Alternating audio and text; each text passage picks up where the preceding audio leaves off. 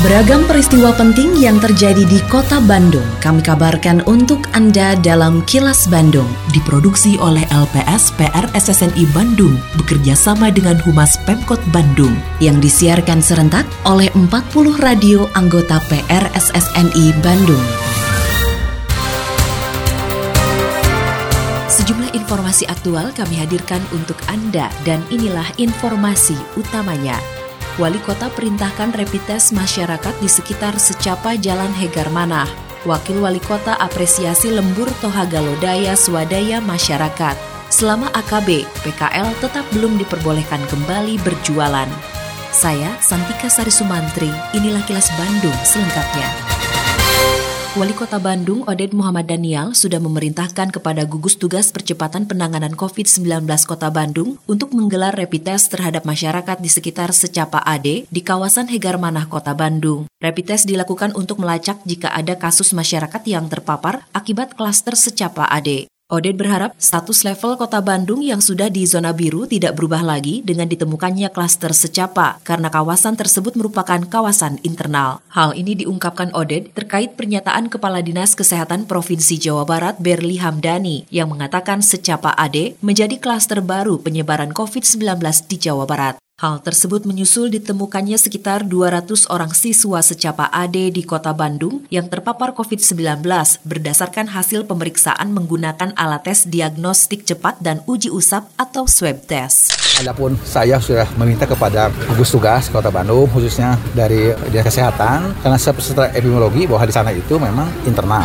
Nah, tapi saya sudah minta agar sekarang sudah mulai di rapid yang mereka diperiksa masyarakat sekitarnya ya, agar dipastikan mereka tidak ada yang kena atau ada yang tidak ketahuan kita. Itu kita. Jadi langsung kita ada mengadakan tracking kepada mereka kepada masyarakat yang sekitar Pemerintah Kota Bandung sangat mengapresiasi partisipasi dan kepedulian masyarakat dalam ikut mengatasi penyebaran virus corona atau COVID-19.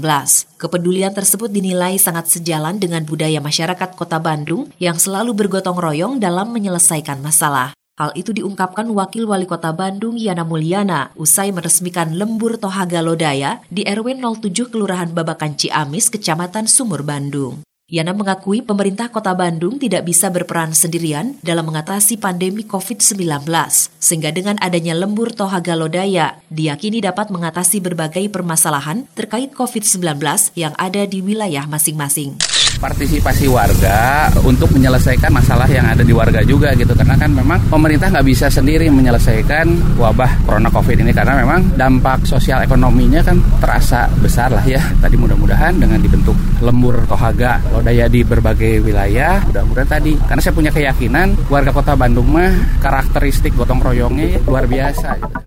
Terkait dengan berita sebelumnya Lurah Babakan Ciamis, Dudi Firmansyah mengatakan terbentuknya lembur Tohaga Lodaya di RW 07 ini adalah dengan menerapkan konsep sauyunan. Warga secara swadaya membangun lembur Tohaga Lodaya. Menurutnya dengan menerapkan konsep sauyunan, maka seluruh warga dapat menyelesaikan berbagai permasalahan, khususnya dalam mengatasi dan menekan penyebaran virus COVID-19. Pemberdayaan dari segala bidang, semua bidang, istilahnya dengan sistem sauyunan itu, itu adalah salah satu pemberdayaan dalam menanggapi wabahnya pandemi COVID-19 di Kelurahan Babakan Ciamis. Dan Alhamdulillah konsep sauyunan di kita itu adalah dari warga untuk warga, terus swadaya murni juga Alhamdulillah. Kami juga punya beberapa RW yang swadaya murninya meningkat di saat pandemi COVID-19. Angka reproduksi instan kasus COVID-19 di Jawa Barat saat ini mengalami kenaikan hingga mendekati angka 1. Epidemiologis Universitas Pajajaran Boni Wim Lestari mengatakan untuk mengantisipasi angka tersebut mengalami kenaikan perlu kerjasama serta kewaspadaan semua pihak. Selain itu disiplin menerapkan protokol kesehatan harus menjadi kebiasaan masyarakat di masa adaptasi kebiasaan baru atau AKB. Menurut Boni, infrastruktur fasilitas kesehatan juga harus selalu ditingkatkan untuk memperluas cakupan pelayanan. Boni juga meminta masyarakat tidak resah dan tidak terburu-buru menyebut bahwa tren kenaikan tersebut merupakan proses menuju gelombang kedua persebaran COVID-19 di Jawa Barat.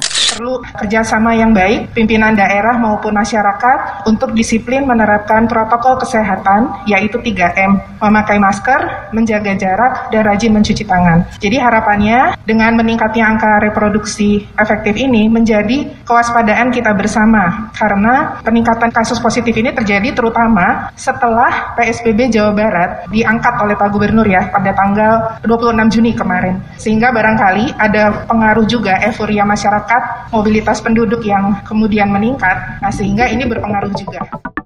Para pedagang kaki lima atau PKL belum diperbolehkan kembali berjualan selama masa adaptasi kebiasaan baru atau AKB di Kota Bandung. Meski begitu, Kepala Bidang Ketentraman dan Ketertiban Umum Satpol PP Kota Bandung, Taspen Effendi mengakui ada beberapa pedagang yang sudah mendahului berjualan, seperti di kawasan Cicadas dan Pasar Baru. Taspen menyatakan jika para PKL sampai mengganggu lalu lintas, maka pihaknya dengan tegas akan melakukan penertiban. Sedangkan mengenai bangku para PKL yang sempat diamankan Satpol PP sejak penerapan PSBB, saat ini masih ada di markas komando Satpol PP. Taspen mengatakan pihaknya menunggu petunjuk dari wali kota mengenai hal tersebut.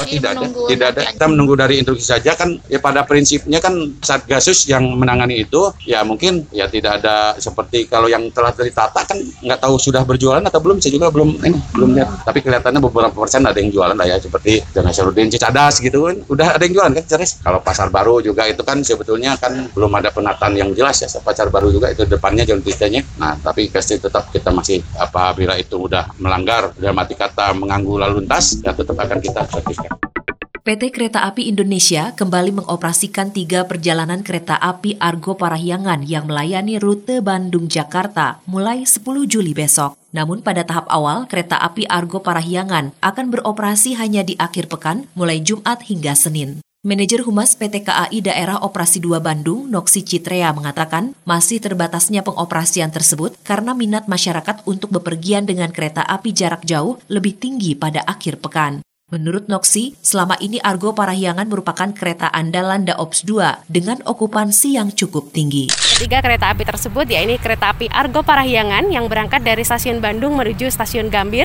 Pada tahap awal, pengoperasian kereta api Argo Parahyangan ini hanya di akhir pekan saja, yakni mulai hari Jumat, Sabtu, Minggu, dan juga Senin. Bagi masyarakat yang ingin bepergian menggunakan kereta api dapat memesan tiket melalui aplikasi KAI Akses, website KAI dan juga channel penjualan resmi lainnya mulai H-7 hari sebelum keberangkatan. Adapun penjualan di loket dilayani mulai H-3 jam sebelum keberangkatan.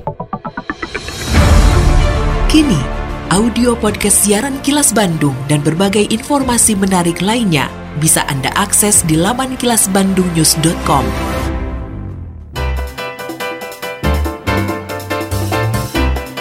Berikut sejumlah agenda kerja para pejabat Pemkot Bandung Kamis 9 Juli 2020.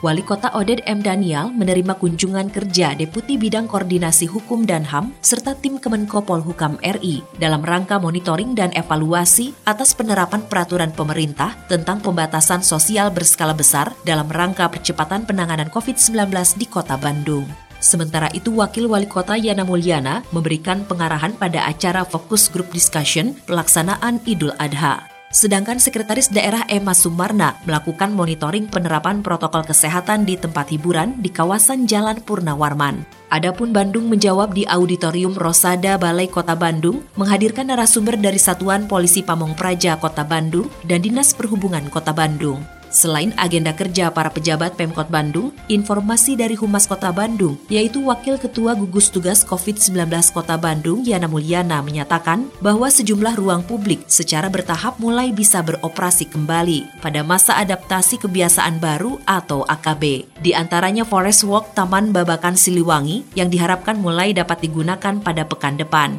Menurut Yana, sejumlah sektor outdoor dapat dilakukan relaksasi karena potensi penyebaran virusnya rendah. Demikian agenda kerja para pejabat Pemkot Bandung dan info aktual yang diterima redaksi LPS PRSSNI Bandung dari Humas Pemkot Bandung.